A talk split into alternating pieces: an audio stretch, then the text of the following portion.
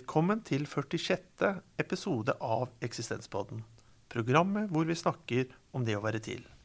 Mitt navn er Erling Berrum, og i dag har jeg fått besøk av Erik Stenicke. Du har blitt anbefalt av vår tidligere gjest Ole Magnus Vik. Takk for at du ville komme. Selv takk, og veldig hyggelig å bli anbefalt. Hvordan vil du kort beskrive deg selv? Nei, det er jo ikke så lett å være kort. Men i denne sammenhengen hvor vi skal snakke om eh, hva det vil si å være et menneske, så kan jeg vel kanskje starte litt med min profesjon, som har med det å gjøre. Altså, jeg jobber på universitetet som eh, forsker på psykoterapi. Så eh, mitt daglige virke er på Psykologisk institutt som førsteamanuensis i klinisk psykologi. da. Og så har jeg en eh, liten eh, privatpraksis som psykoanalytiker og psykoterapeut, eh, hvor jeg også har pasienter ca. 20% stilling der, da. Så det er en kombinasjon av å forske på psykoterapi og drive psykoterapi, og også ha opplæring i psykoterapi med studenter på psykologistudiet. Hva tenker du kan være viktig å nevne om deg og ditt liv? Ja, hvor skal en begynne? Hva kan være viktig å nevne? Altså, Eh, med tanke på temaet vi har oppe i dag, eh, om den menneskelige eksistens, så tenkte jeg litt at jeg hadde lyst til å nevne at eh, eh, Si noe om min relasjon til universitetet, og hva det har betydd for meg. For eh, det var slik at eh, når jeg var ungdom, tenåring, så hadde jeg en periode eh, rundt sånn videregående skoletid hvor jeg var ganske skolelei. Og etter hvert eh, når jeg var ferdig der, så hadde jeg en ganske sånn tung kjærlighetssorg. Og mm, jeg tror også, sett i etterkant, at jeg strevde litt med den overgangen fra ungdom til voksen. Eh, og når jeg da kom på universitetet eh, i Oslo, så ble det en helt sånn åpenbaring for meg. Fordi der møtte jeg en verden som prøvde å sette ord på ganske presist ting som for meg var mer implisitt og vanskelig å forstå. Sånn som eh, hvilken betydning av verdier for oss. Etikk. Eller eh, hvordan skal vi forvalte eh, de godene vi har i samfunnet. Politikk. Og ikke minst når jeg også ble kjent med psykologifaget, som tok en liten stund, fordi jeg holdt ganske lenge på med filosofi. Og i, i, likhet med deg kanskje var jeg veldig interessert i eksistensialisme. Så jeg leste jo Nietzsche og Kirkegård og Heidegger brukte jeg mye tid på. Men så Jeg var jo veldig entusiastisk og følte liksom verden åpnet seg intellektuelt for meg. Og nå begynte jeg å få et språk for å kunne sette ord på mine interesser. Men det var egentlig i den overgangen fra det å fordype meg i filosofene og være interessert i psykologi at jeg oppdaget psykoanalysen. Teoriene til Sigmund Freud, Melanie Klein, Donald Winnicott, eh, Wilfred Bion. At jeg begynte å skjønne at eh, det finnes jo faktisk en måte å snakke om det som skjer inni meg, og mellom meg og andre mennesker. Og det gjorde meg eh, utrolig begeistret.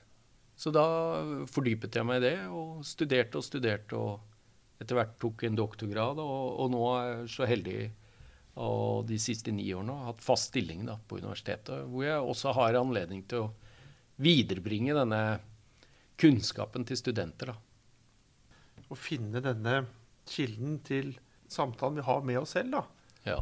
Som en mulighet også å kunne prate med andre. Det er også noe av det vi tenker i liksom eksistenspodden, at vi også må våge å prate litt mer om den samtalen vi har inni oss med andre. Også om det eksistensielle. Du har også blitt bedt om å velge ut en grunnleggende dimensjon ved det å være til som menneske. Og hva har du valgt som tema for dagens program?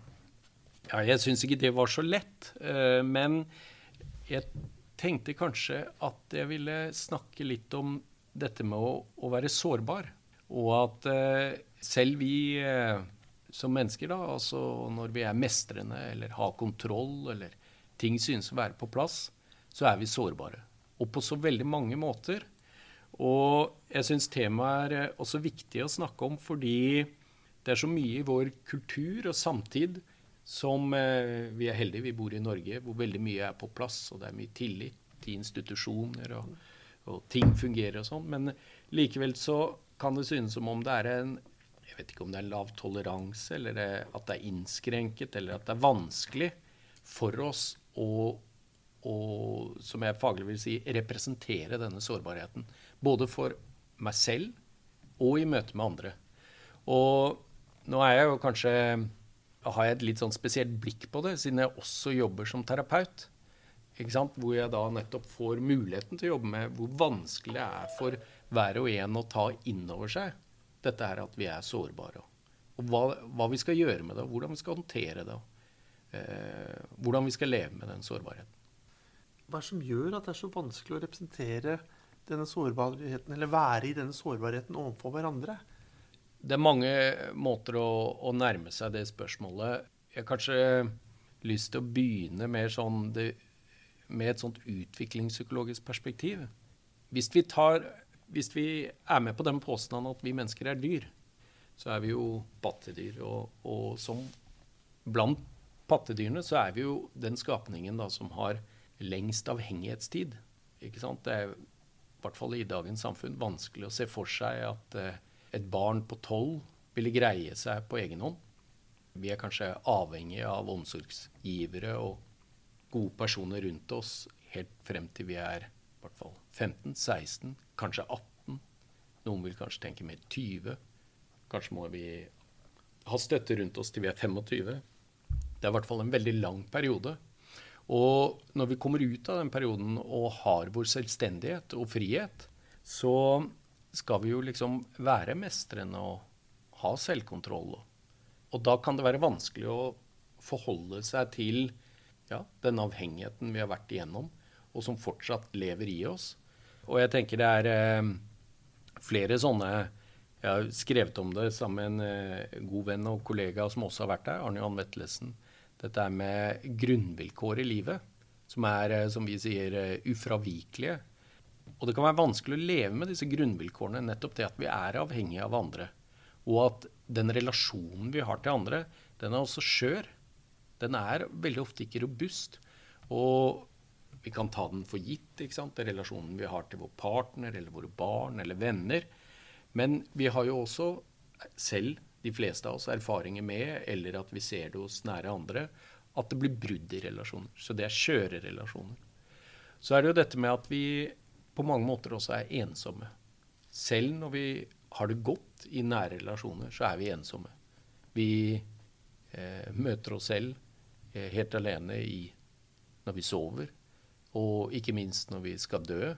Men også i en ensomhet som jeg tror eh, mange av oss kjenner på når vi står overfor store livsvalg.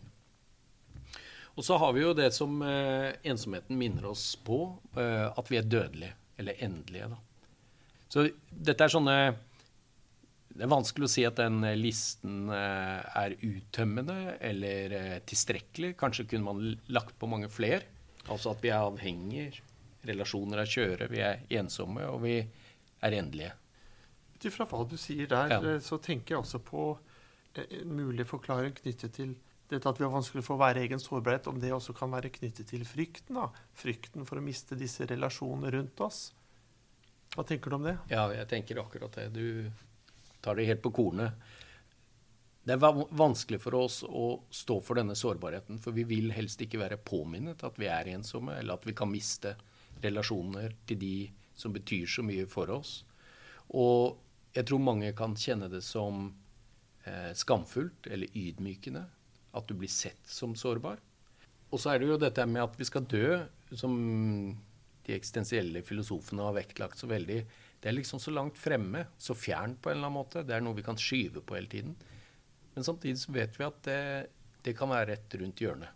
Men så på veien til å, denne samtalen med deg, så tenkte jeg på en ting til som ikke vi skrev om når vi skrev om disse grunnvilkårene. Og det er som jeg kanskje har fått mer erfaring med jo lenger jeg har jobbet som terapeut. Og det er at vi mennesker også grunnleggende sett veldig ofte er ambivalente. Følelseslivet vårt er sjelden rent eller entydig. Det er gjerne sånn at vi har sammensatte følelser. Og det gjør oss også sårbare. Og er et eh, strev å leve med. Og, og finne måter å forvalte da, den ambivalensen. Og denne ambivalensen kjenner vi jo tror jeg veldig ofte på når vi er tvunget til å ta store livsvalg. At ethvert sånt grunnleggende livsvalg, om det er å innlede et, et kjærlighetsforhold eller å velge en ny karrierevei eller gjøre en stor investering eller hva det nå skulle være, så innebærer også livsvalget ofte en forsakelse av noe annet. Kan denne ambivalensen også relateres til eh, undertrykking? At man undertrykker flere dimensjoner som egen dødelighet og relasjoners sårbarhet, som du sier, og egen ensomhet. Man undertrykker det. Forstår jeg deg rett, altså at du, du tenker deg at eh, hvis det er sånn at eh, noe av vår sårbarhet som kommer til uttrykk i disse grunnvilkårene ved livet, da, hvis enkelte av de blir undertrykket, så blir vi kanskje mer ambivalente. Ja. Ja, sånn, ja. Eh, jeg har kanskje tenkt litt annerledes på det. Jeg lurer på om det, det, Jeg tror det kan være noe, at du er inne på noe. Uh, måtte kanskje få et eksempel på det. Men jeg har kanskje også mer tenkt at ambivalens er selve kjennetegnet på det å være menneske. Sånn at hvis vi kunne tenke oss et sånn prototypmenneske som ikke undertrykket noen ting, så ville det mennesket fortsatt vært ambivalent. Og at eh, problemet er ofte at eh, det effektive, selvstendige, mestrende individ er en person som undertrykker den ene siden ved ambivalens. Og gjør du det for lenge, og ikke tar din egen ambivalens på alvor, så får du problemer. Så jeg tenker nesten litt sånn motsatt, hvis du er med på ja, figuren. Ja. Sånn at eh, vi skulle være litt mer konkret, da, eh, og knytte det opp til grunnvilkårene, så vil jeg tenke at eh, ambivalens er noe vi strever veldig med i kjærlighetsliv.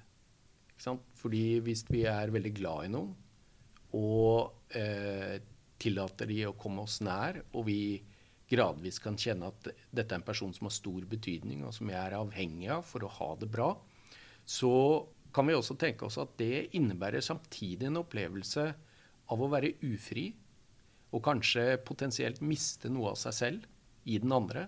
Og rent sånn eh, psykologisk så tror jeg det gir opphav til et sterkt behov for å ta avstand, eh, markere egne grenser, greie seg selv. Så selv i kjærlighet, som innebærer å hengi seg til en annen, og kanskje ta inn over seg at den andre betyr mye nå for meg, så vil det også være noen krefter i meg som vil ønske å ta avstand og skape distanse. Hvis jeg forstår deg rett, og setter kanskje litt på spissen, så har du kanskje da ikke så veldig stor tro på et menneske som lever i balanse? Nei, det har jeg ikke. Nei. Og Du så den. ja. Og jeg tenker bare litt på um, det å erkjenne sin egen ambivalens. Ja. Det vil kanskje kunne hjelpe litt eh, med at man er innforstått med disse motsetningene som man er et resultat av. da. Fordi du snakker om frihet, ufrihet, og så avstand og nærhet. Og så er de på det kryssende i forhold til hverandre, da. Jeg søker nærhet, men det gir også ufrihet. Ja. Eh, så det, vi er liksom i en umulig situasjon, for vi, vi får ikke valgt alt vi ønsker oss. Ja. Det vil alltid følge en ulempe med en fordel, og motsatt. Ja. ja. Det høres jo litt paradoksalt ut, det vi snakker om, da. At eh, det å, å, være i sin egen sårbarhet i den grad du klarer, da. Det handler også om å, egentlig, å prøve å være et rikt menneske. Ja, det følger jeg deg helt i. At det er et paradoks at eh, hvis du forholder deg mer aktivt til det som er sårbart i eget liv, og ikke prøver å avverge det eller spalte det eller å fjerne det, så vil det også gi potensielt mer rik tilstedeværelse i livet. Da. Så det er et perspektiv på mennesket som iboende konfliktfylt. Har mennesket alltid vært like konfliktfylt? Eller er det noe med vår tid som gjør oss kanskje mer konfliktfylt? Jeg tenker på dette med i utgangspunktet hvor vi kanskje mennesket var mer ufri da, enn kanskje det er i dag så var vi kanskje ikke like konfliktfylte, for vi, vi hadde ikke denne friheten å, å, tenke på. Ja, Det er et interessant og vanskelig spørsmål, for vi har jo vanskelig for å løfte oss selv opp etter håret og få et overblikk av hvordan det ville vært under andre vilkår enn det vi lever i. Men vi kan jo spekulere sammen og prøve å tenke over det. da. Og jeg vet ikke om det har vært lettere før og under andre betingelser. Men jeg vet jo at det ikke er lett i dag. Og det som gjør at det ikke er lett i dag, er jo bl.a. denne jeg vil si nesten idealiseringen av det mestrende, selvstendige individet, som er rasjonell. Og som eh, gjør at jeg tror veldig mange i dag opplever at det kan være en stort sprik eller forskjell mellom det offentlige selve, hvordan en person fremtrer i sosiale rom, eller i ikke minst det offentlige rom, og hvem de er som privatperson. Og at eh, det vi ofte kaller integritet, der hvor det er en nær sammenheng sant, mellom det private og det eh, sosiale eller offentlige, det, det syns jeg vi ser mange eksempler på at det er veldig på strekk. At vi må liksom skjule i dag, eller gjemme, eller holde unna det offentlige rom alt det som har med vår egen sårbarhet å gjøre. Og, og dette tror jeg blir forsterket av eh, sosiale medier. Det, det, er veldig mange i dag som syns jeg har veldig presis kritikk av problemet med sosiale medier. Altså at eh, vi har disse algoritmene som gjør at vi, vi skal eh, få likes. Og får vi likes, så blir budskapet spredt. Eh, men budskapet spres det bare nesten utelukkende hvis det er noe som er veldig positivt eller spektakulært problematisk. Så det mer hverdagslige blir borte. Og med tanke på at vi mennesker eh, kontinuerlig sammenligner oss med andre, så får vi jo et voldsomt strev, fordi på Facebook, Instagram eller hvor det skulle være, så virker det som alle har det så bra. Eller gjør spektakulære ting. Mens mitt private liv er liksom så stusslig. Men så er det et vrengbilde av virkeligheten. Det tror jeg gjør det vanskelig. Og så er det jo dette her med klimakrisen. Og eh, reduksjon i artsmangfoldet i naturen som eh, jeg lurer på om er en sånn eh, verkebyll som vi ikke helt ser rekkevidden av. Og, og forsterker nettopp det derre at vi prøver å gardere oss og avverge og være defensive. På hvilken måte tenker du det? Nei, Klimakrisen er jo i ytterste konsekvens en trussel mot hele vår eksistens. På et helt sånn grunnleggende nivå. Og, og det kommer med rasende fart. Og hverdagen forbrukersamfunnet, det politiske liv, tilsynelatende fungerer normalt. Og, og, det gjør vel at det blir en dobbelthet i det å være menneske i dag, vil jeg tro. Skal vi liksom ta det innover oss og aksjonere og eh, gjøre en forskjell, eh, bidra til en endring? Eller eh, skal vi mer la hverdagen gå sin gang og holde oss i rutiner og gjøre som vi pleier? Og, og leve i håpet. Ja, at teknologien skal komme oss til unnsetning, f.eks. Ja. Og vi vet jo ikke om den gjør det. Kan det være en sammenheng mellom vår manglende erkjennelse av egen sårbarhet og erkjennelse av la oss si, klodens sårbarhet? da? Det tror jeg. Vi er jo avhengige av kloden. Vi er avhengige av naturen. Vi kan, for å si det helt åpenbare, vi kan på ingen måte greie oss uten. Sånn at eh, hvis vi ikke forholder oss til vår egen avhengighet, så vil vi jo heller ikke ta vare på naturen. vel? I og med at du har tatt opp sårbarhet som dagens tema, så fikk det meg også til å tenke på August Strindberg, som jeg tror det var i Drømspillet, sa at det er synd på menneskene. Og det har også jeg tenkt på videre senere, med tanke på livet som et sårbart sted å være. da. Men kanskje også livet som sårbarhet. Fordi hvis du skal romme livet, da, så må du romme den ambivalensen som du snakker om. Og hvis du ikke rommer den, så blir det jo ikke noe helt liv. Du nevnte disse mestrende, selvstendige individene som lykkes i alt og ett. Men det blir jo ikke et autentisk liv. Det blir jo et eh, vil si, halvgjort liv. For at noe skal ha en eksistens, så må det også ha en moteksistens, eller må det ha liksom en motside. Og jeg tenker på noen av de som lytter på oss nå, og som da tenker litt på seg selv og sitt eget liv og sin egen sårbarhet. Hvordan kan man bli flinkere til å omfavne da, egen ambivalens og egen sårbarhet.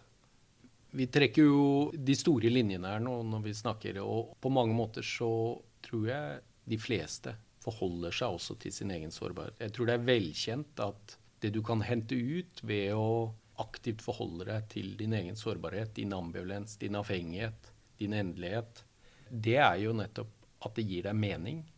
At det potensielt gir nærhet i relasjoner. Så, så, det er jo ofte ikke et enten-eller, men jeg følger deg helt at rent sånn eh, Logikken i det vi snakker om, er jo at eh, hvis man gjør dette for lite, så blir det også lite mening. Så det er jo mer kanskje et gradsspørsmål om hvordan man skal få det til, og kanskje også legge til rette for at, at vi finner rom og steder der vi deler denne sårbarheten. Sånn som denne ekstenspoden din, mm. tenker jeg. Ja. Apropos sårbarhet, så er det jo noe som hjelper oss noen ganger når vi er kanskje på vårt mest sårbare, og det er jo musikk. Mm. Og hva tenker du kan være forklaringen til det, eller har du noen hypoteser om ja, det? Ja, det er artig du tar opp, for jeg er jo veldig glad i musikk og opptatt av musikk i mange ulike typer sjangere, og lytter veldig mye på musikk.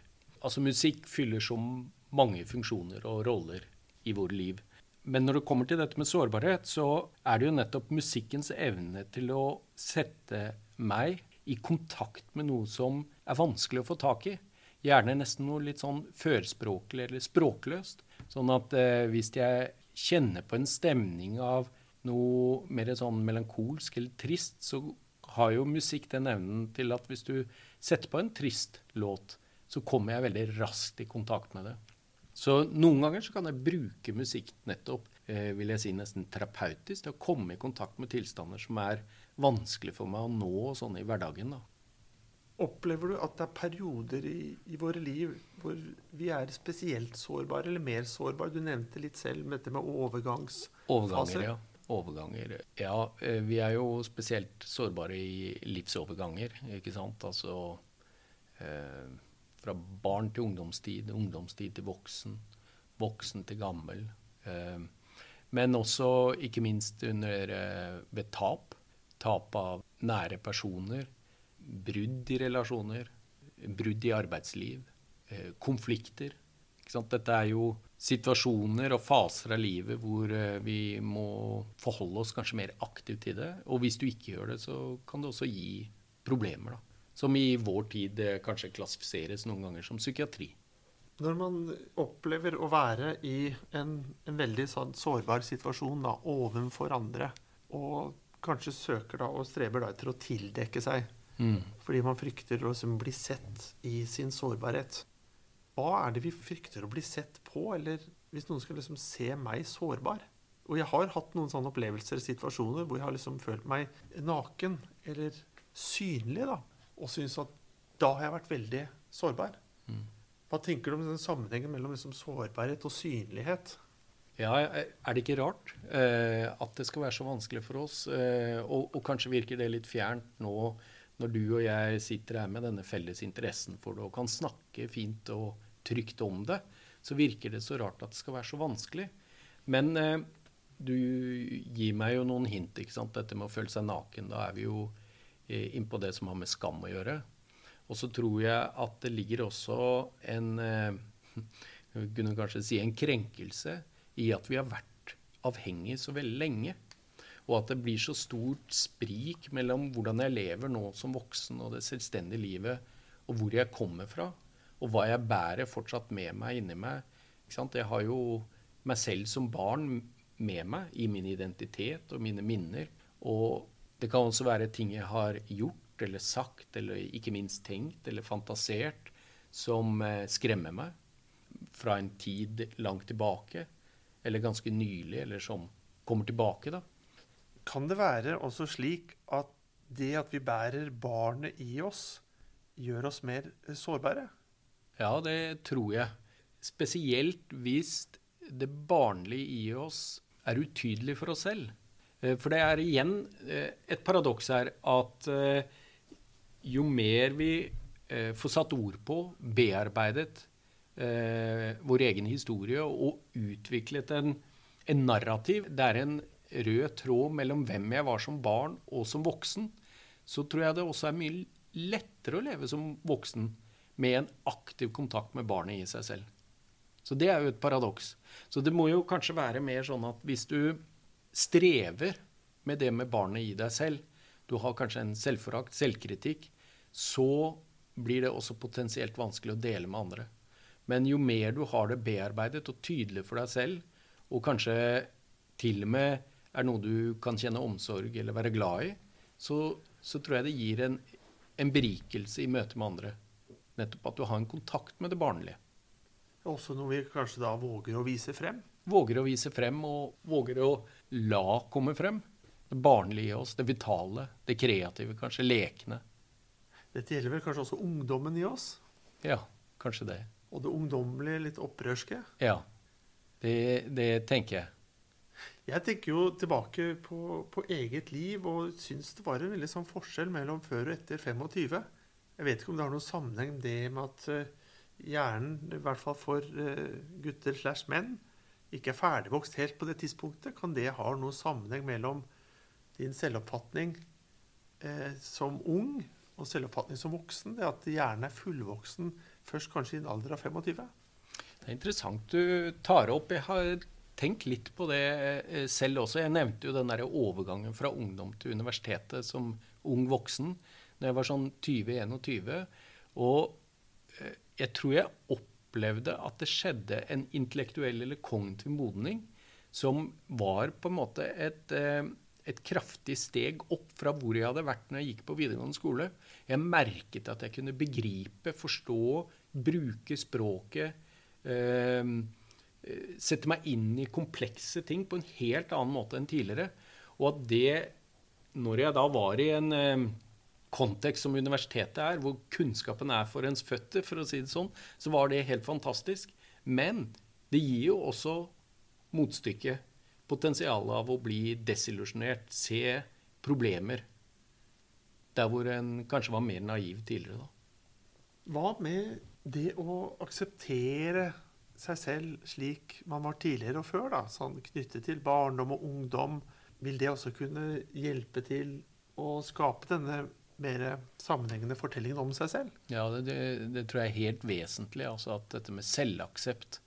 Og at eh, selvaksept på en dyp måte. altså At det er eh, med omsorg. Ikke bare en aksept i form av at jeg erkjenner at det var sånn, og det kan jeg ikke gjøre noe med, men mer at eh, ja, det var også meg da, og, og, og, det vil jeg prøve å stå for.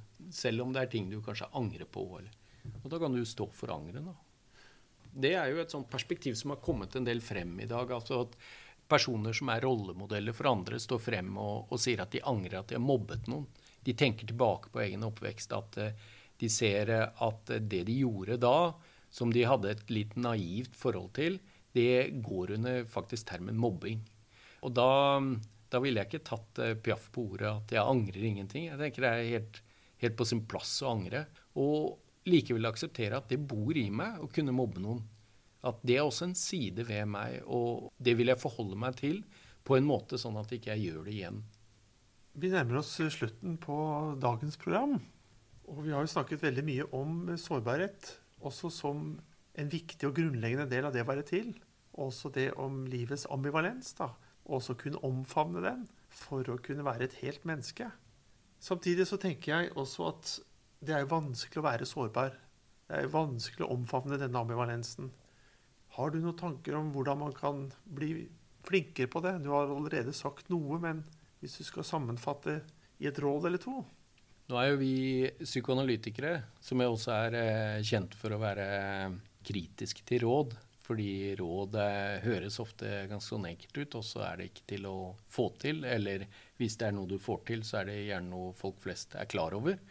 Men eh, eh kunne jo prøve å samle noe av det vi har snakket om. Og da ville jeg kanskje tenke at det ville være noe i retning av at prøv å bli kjent med egen sårbarhet, og vis den omsorg, og stå for den. Eller eh, som en eh, nær person for meg har sagt, tør å være den du er, eller tør å være den du er redd for å være. For meg er dette mer et livsprosjekt. Det er ikke noe vi gjør en gang for alle. Det er fra minutt til minutt, fra dag til dag, og, og gjerne å få til over et langt liv. Da takker jeg deg for samtalen. Takk også til deg som lytter for å ha fulgt oss denne gang. Vi høres igjen, og inntil da, ha det bedre enn bra.